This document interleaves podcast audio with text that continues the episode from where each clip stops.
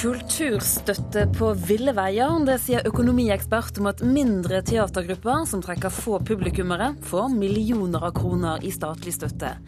En rekke forklaringer om 22.07-terroren er unntatt offentlighet, og ordførere i Rogaland er lei av at over, over at arkeologiske utgravinger forsinker boligutbygging.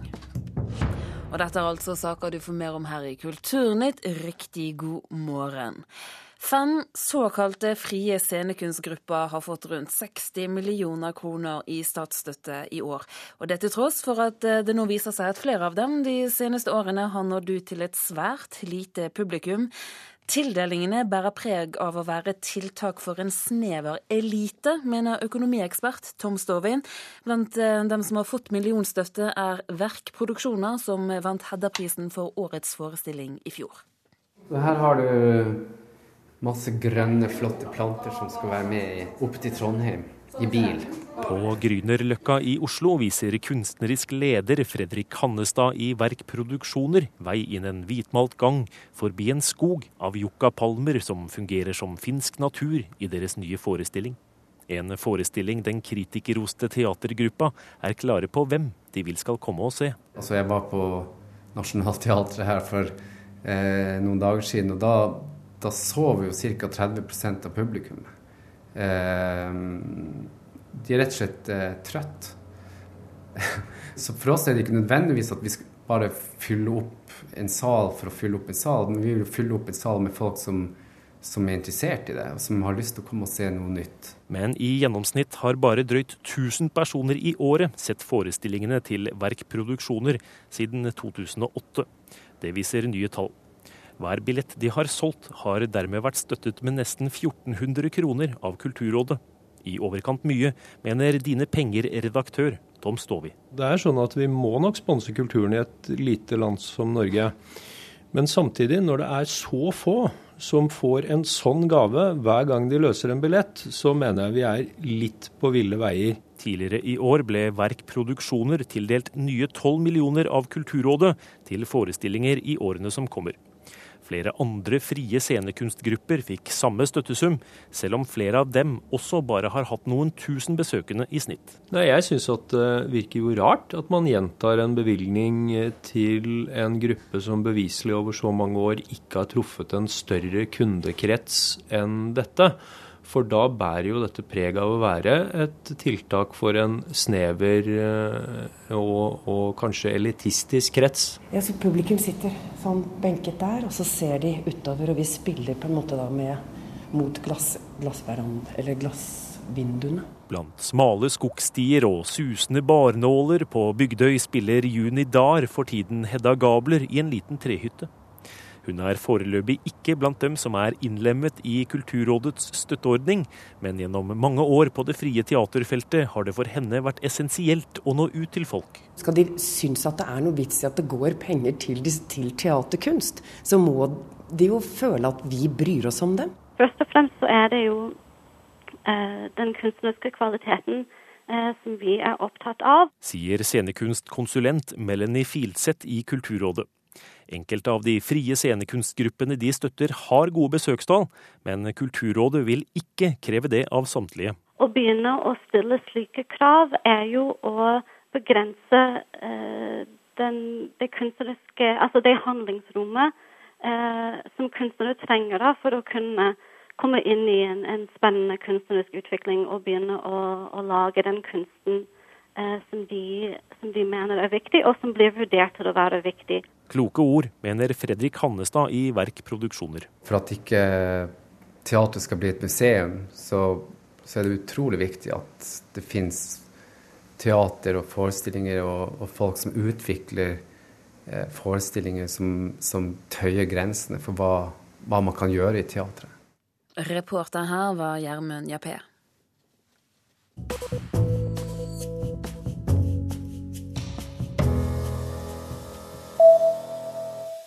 Forklaringene til en rekke sentrale politikere til 22. juli-kommisjonen er nå unntatt offentligheten. Det har Riksarkivet bestemt.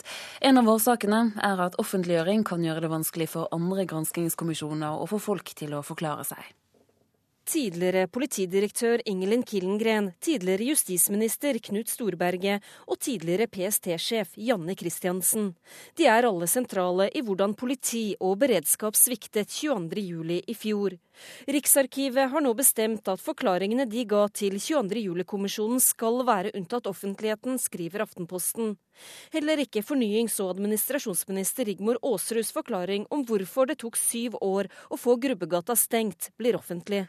Jeg syns det er ganske meningsløst, og jeg syns også det er misbruk av offentlighetsloven. Sier generalsekretær i Norsk redaktørforening, Nils E. Øy. Fordi den uh, hjemmelen som de har henvist til, mener jeg har et helt annet formål enn det de har brukt det til nå. Grunnen skal være at Riksarkivet mener at forklaringen ikke er skrevet med tanke på offentliggjøring, og ikke kan anses som fullstendige.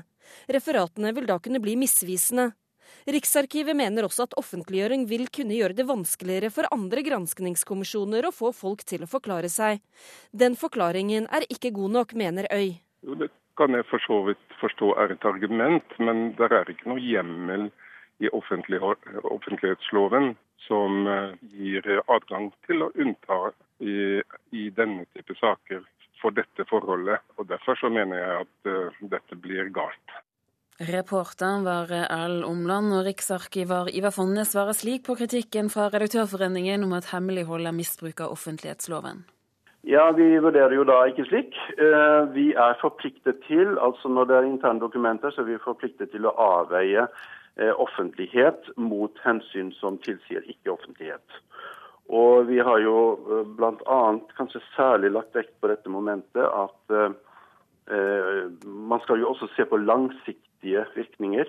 Og en av de mulige langsiktige virkninger av en offentliggjøring vil jo være at nye kommisjoner i andre sammenhenger kan få vansker med å, å få gjennomført åpne intervjuer. Så um, det er uh, et av de hensynene som vi har tillagt størst vekt, kan man si. Det sa altså riksarkivar Ivar Fonnes. Det blir ingen sammenslåing mellom Norsk Maritimt Museum og Norsk Teknisk Museum, det skriver Aftenposten.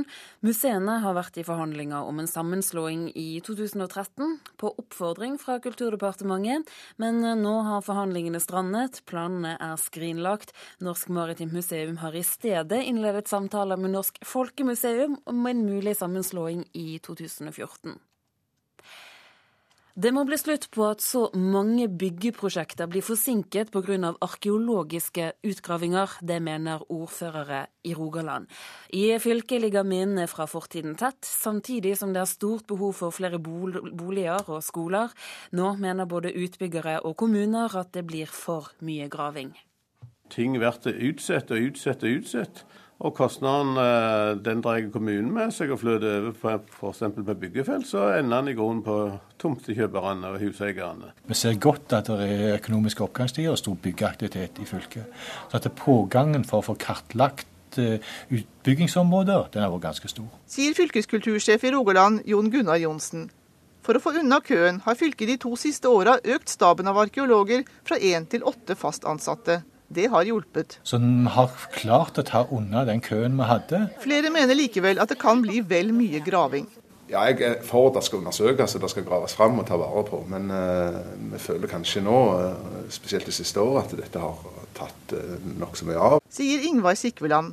Han er daglig leder i Teambygg på Bryne. Ja, jeg syns det er blitt for mye. Sier også Høyre-ordføreren i Hå, Mons Skrettingland. Enten vi skal bygge en sykkelsti, eller vi skal bygge en skole, eller vi skal regulere et boligfelt, så er det utgravinger på utgravinger på utgravinger, og det er helt fra finne stolpehull i leiren til de merkeligste ting. Mens fylkeskultursjef Jon Gunnar Johnsen tror på tidlig dialog. Vi er ikke opptatt av å grave mest mulig, vi er opptatt av at en skal få tatt vare på på et skikkelig vis, eller dokumentert det hvis en må grave. Sentrale politikere her må ta et grep for å gjøre noe med dette. Vi kan ikke ta vare på alt. Det er millionbeløp vi snakker om for kommunene, dette. Mons Skrettingland er ordfører i Hå. Reporter var Marianne Terjesen. Du lytter til Nyhetsmorgen i NRK P2 og Alltid nyheter. Klokken nærmer seg 8.15. Hovedsaker i dag er at barn bestiller porno på nettet, mens foreldrene får skyhøye regninger. Frankrikes president varsler de største økonomiske innstramningene på 30 år. Og bli med oss videre i Kulturnytt, for vi skal møte kulturvernere som fortviler over at Vegvesenet river kulturminner langs rv. 3 gjennom Østerdalen. Men eh, nå aller først. Det kan gå mot en løslatelse for de to svenske journalistene som sitter i fengsel i Etiopia. Johan Persson og Martin Shibby har sittet i fengsel siden i fjor, etter at de tok seg inn i den etiopiske regionen Ogaden fra Somalia. I desember ble de dømt til elleve års fengsel, men eh, nå, i et intervju med Sveriges Televisjon, så sier lederen for Eldsterådet, Ebrahim Isak, at beslutningen om å frie svenskene er tatt. Kjetil Tronvold, du er Etiopia-kjenner og jusprofessor. Hvor sannsynlig er det at det går mot en frifinnelse? Jeg er ikke jusprofessor, men jeg er professor i menneskerettigheter. Du, Efram Isak sitter veldig sentralt eh, i denne prosessen. Og hvis Melle Senawi, den avdøde statsministeren i Etiopia, besluttet at de skulle frigis, så går det mot en benådning. Hvis det var fortsatt igjen et politisk håndverk før den formelle beslutningen var signert, altså før Meles Zenawi døde, så er det ikke sikkert. For den midlertidige statsministeren i dag, Haile Mariam Deseleng, er ennå ikke innsatt som permanent statsminister. Og det er vel lite trolig at han dytter gjennom denne saken nå, på så kort varsel. Hva er dette eldsterådet? Det er en tradisjonell funksjon i Etiopia, sånn som i mange andre afrikanske samfunn. Det at man tror på at de med et langt liv og en lang erfaring og en spesiell type kunnskap, det være seg akademisk eller religiøs autoritet, de kan ha en funksjon i samfunnet med å mediere, med å være konfliktdempende, med å være go-betweens mellom eh, konfliktuelle parter. Og I Etiopia så er det blitt delvis institusjonalisert, hvor da et eldsteråd og lederen av det eh, kan ta kontakt med myndighetene og be om eh, en forandring av politikk på visse sektorer, hvis det er et befolkningsmessig krav eller grunnlag til det. Så det besitter en del makt, da? Ikke noe formell makt, og det er i stor grad symbolsk makt. For det er vel så ofte det at myndighetene bruker Eldsterådet, enn at Eldsterådet bruker dem, for å si det sånn. At det er en fin måte for myndighetene, en face-saving-mekanisme som det heter, å bevare ansikt på og si at man har vært i dialog og man lytter til de eldste og har kommet frem til en omforent enighet. I dette tilfellet da eventuelt benådning av politiske fanger. Men Hvordan tolker du da det at eh, lederen for et slikt eldsteråd går ut med en slik eh, beskjed? Du, det, det, sammenfaller med annen informasjon vi har og kunnskap vi har om denne prosessen. Det at vi vet at Meles Senavi nok var interessert i å benåde de to svenske journalistene. Etiopia har hatt et enormt diplomatisk press på seg det siste året pga. den fengslingen og den dommen. Og så eh, vet vi at også at Efrem Isak har vært involvert i dette eh, på et vis. Så eh, det er riktig. Men det uavklarheten er at Meles døde. Og før løslatelsen ble effektuert. Og da vet man ikke hva de nye politiske lederne tenker om denne saken per se. Hva slags diplomatisk press har Etiopia vært utsatt for? Selvfølgelig fra Sverige direkte, men Sverige har jo gjort eh, lobbyingvirksomhet eh, mot Norge, mot EU, mot USA, mot hele den vestlige verden, som har da hver gang en, si, en statsråd fra Etiopia har reist utenlandsk, eller det har vært utenlandske delegasjoner til Etiopia, så har nok denne saken blitt tatt opp ganske sentralt og uttrykt en bekymring for ytringsfrihet og pressefrihet i Etiopia. Og det er en pinlig affære for etiopiske myndigheter. Kjetil Tronvold, takk for at du var med oss her i Kulturnytt, Etiopia-kjenner og professor i menneskerettigheter. Vi skal eh, til et av verdens mest lukkede land, Nord-Korea. Tusenvis av mennesker sitter fanget i fangeleire. For sju år siden så klarte Shin Dong-yuk å rømme fra en av de mest beryktede fangeleirene. Senere møtte han den amerikanske journalisten Blaine Harden, og nå har historien om skrekkveldet i fangeleiren blitt bok. The children are bred and raised to be disposable slaves and to be worked to death. So this is what he brings to the outside world. Barn blir avlet opp som slaver, derfor er historien viktig, forteller den amerikanske journalisten til de oppmøtte på Litteraturhuset i Oslo. De har kommet for å høre Shin Dong-huks utrolige historie. Om oppveksten og flukten fra en av Nord-Koreas mest beryktede fangeleire. Shin Dong-huk ser ingen i øynene. Han er sky og tilbaketrukket. For syv år siden visste han ikke at det fantes en verden utenfor fangeleir 14 i hjertet av Nord-Korea. Uh, living like slaves, probably the closest, uh, best description to describe the prison camp. Bare slaveri kan beskrive livet i fangeleiren, forteller Shin. 60 fanger har klart å rømme fra fangeleirer i Nord-Korea og har gitt sine vitneskildringer, men han er den eneste av dem som ble født og vokste opp i fangenskap. Livet hans besto i slavearbeid og en desperat jakt på mat. Han visste absolutt ingenting om livet utenfor murene, inntil han møtte den politiske fangen Park. Round,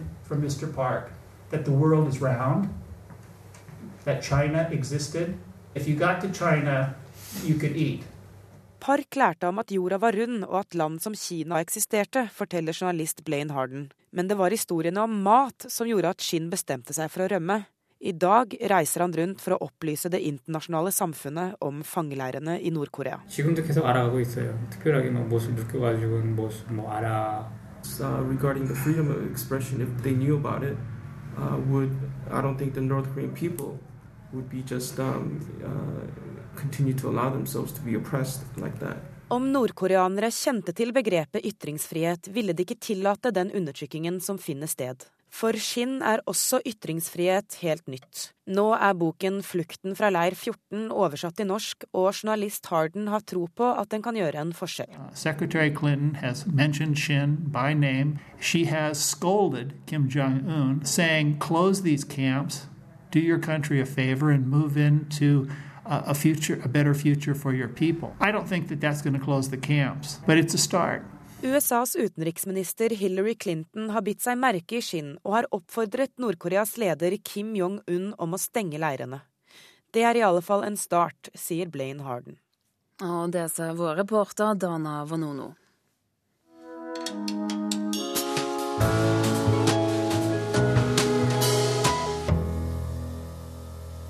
Da Henrik Langelands 'Verdensmestrene' kom for to år siden, så fikk romanen svært blandet mottagelse, fra det rene slakt til det mer nyanserte.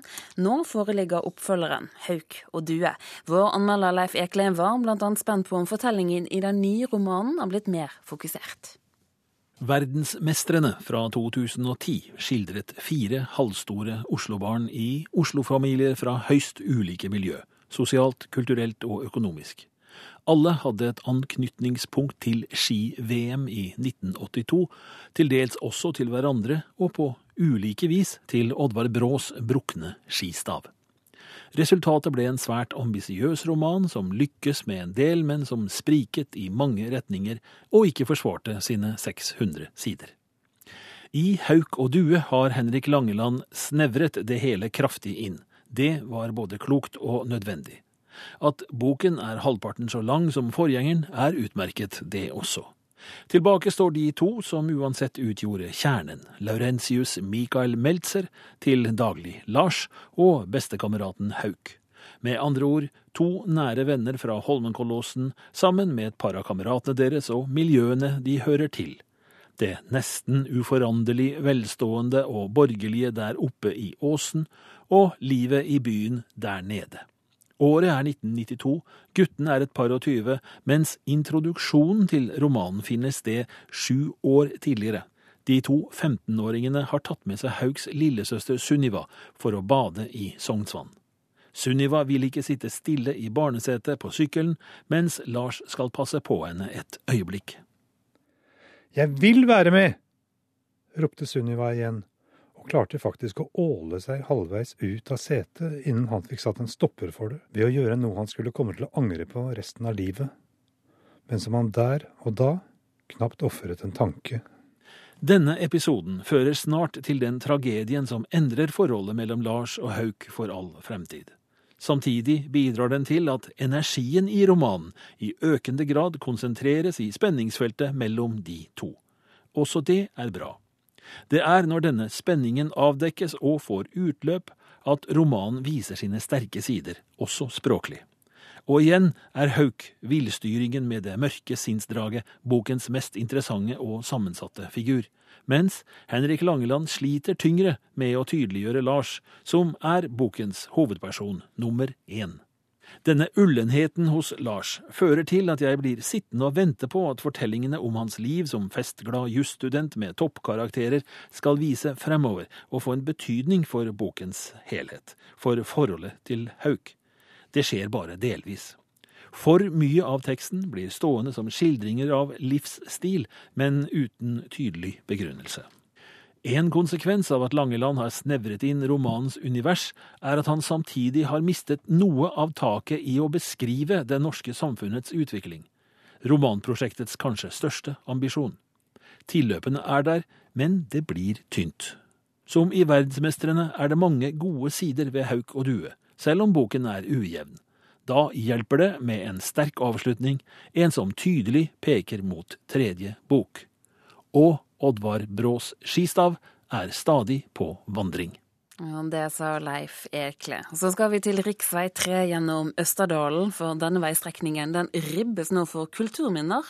Bare på en to mil lang strekning i Stor-Elvdal så er rundt 30 gamle gårdsbygninger og hus revet det siste året, og det pga. veibygging. Kulturinteresserte i Hedmark fortviler. Her sto en fantastisk flott sveiserbygning, en av de første i Stor-Elvdal. Dimensjonelt tømmer, så vakkert og så fint, ble knust til pinneved. Han er fortvilet over at den flere hundre år gamle Nordre Storstu som sto langs riksveien er borte. Odd Sæming Negård i historielaget i Stor-Elvdal. Jeg forstår det ikke. Jeg kommer aldri til å forstå det. I forbindelse med utbedring av rv. 3 gjennom Østerdalen er et førtitalls eldre bygninger revet på kort tid. 42 bygninger. Hele gardstun. Gamle, ærverdige gårder som er flere hundre år gamle. Komplette gårdsanlegg, husmannsplasser, som er jevne borte med jorda. Så neste år så er det ingen som vet hvor huset har stått. Arnt Roar Mustadslien har ansvar for eiendomserverv i Statens vegvesen. Han sier trafikksikkerhet er årsak til at husene rives. Trafikksikkerheten og framtidig eh, mulighet for uh, å få utbedre rv. 3. Jeg forstår den veldig godt, men hus, altså 300 år gamle hus, knuser du ikke til pinneved? Skal vi ha 30 hus langs med, med rv. 3 som står på halv tolv, er det meninga da? Sier ordfører Even Moen i Stor-Elvdal. Det er kommunen som gir rivningstillatelse. Moen mener kommunen tar ansvar for å ta vare på verneverdige bygninger. Nei, altså Vi kan ikke ta vare på alt for enhver pris. Vi skal ta vare på gamle bygg eh, som er verneverdig, men nødvendigvis ikke i nærheten av rv. 3. Å kjøre rv. 3 gjennom Østerdalen er blitt kjedeligere enn noen gang etter at så mange gamle hus er blitt borte, sier Negård. For folk som ikke har vært her før, så vil Østerdalen bli enda kjedeligere. For at det blir bare skog og skog og skog. Hus og tettsteder og sånn, det, det, det, gjør jo at du våkner og ser deg litt rundt. Men nå er det borte alt.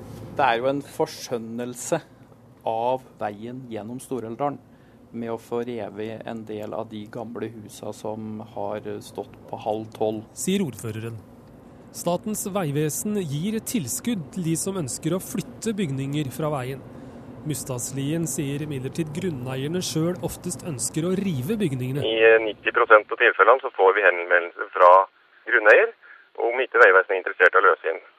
Og Grunnen til det er at bygningene er så dårlige at det er, det er nær sagt utenkelig å sette dem i stand.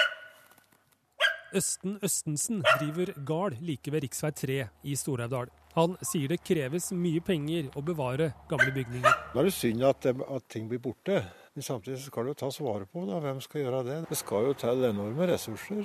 Det må jo hentes noen plass, det må det. Dette er brevet som vi sendte til Marit Arnstad. Nå har Fortidsminneforeningen og Historielaget skrevet brev til både samferdsels- og miljøvernministeren. Hovedbudskapet er en bekymringsmelding over at vi mister kulturen vår. De faste kulturminnene langs rv. 3 i Østerdalen. Vi ber om at tapet av kulturminner må reduseres. Ja, reporter her, det var eh, Stein S. Eide. Du lytter altså til Kulturnytt, som er en del av Nyhetsmorgen. Denne Kulturnytt-sendingen den går ubønnhørlig mot slutten, men straks fortsetter Nyhetsmorgen med Hege Holm i studio. Denne sendingen der, der her, den er laget av bl.a. produsent Widersen. Det tekniske ansvaret det har Espen Hansen hatt. Og her i studio, Turi Grønbøk.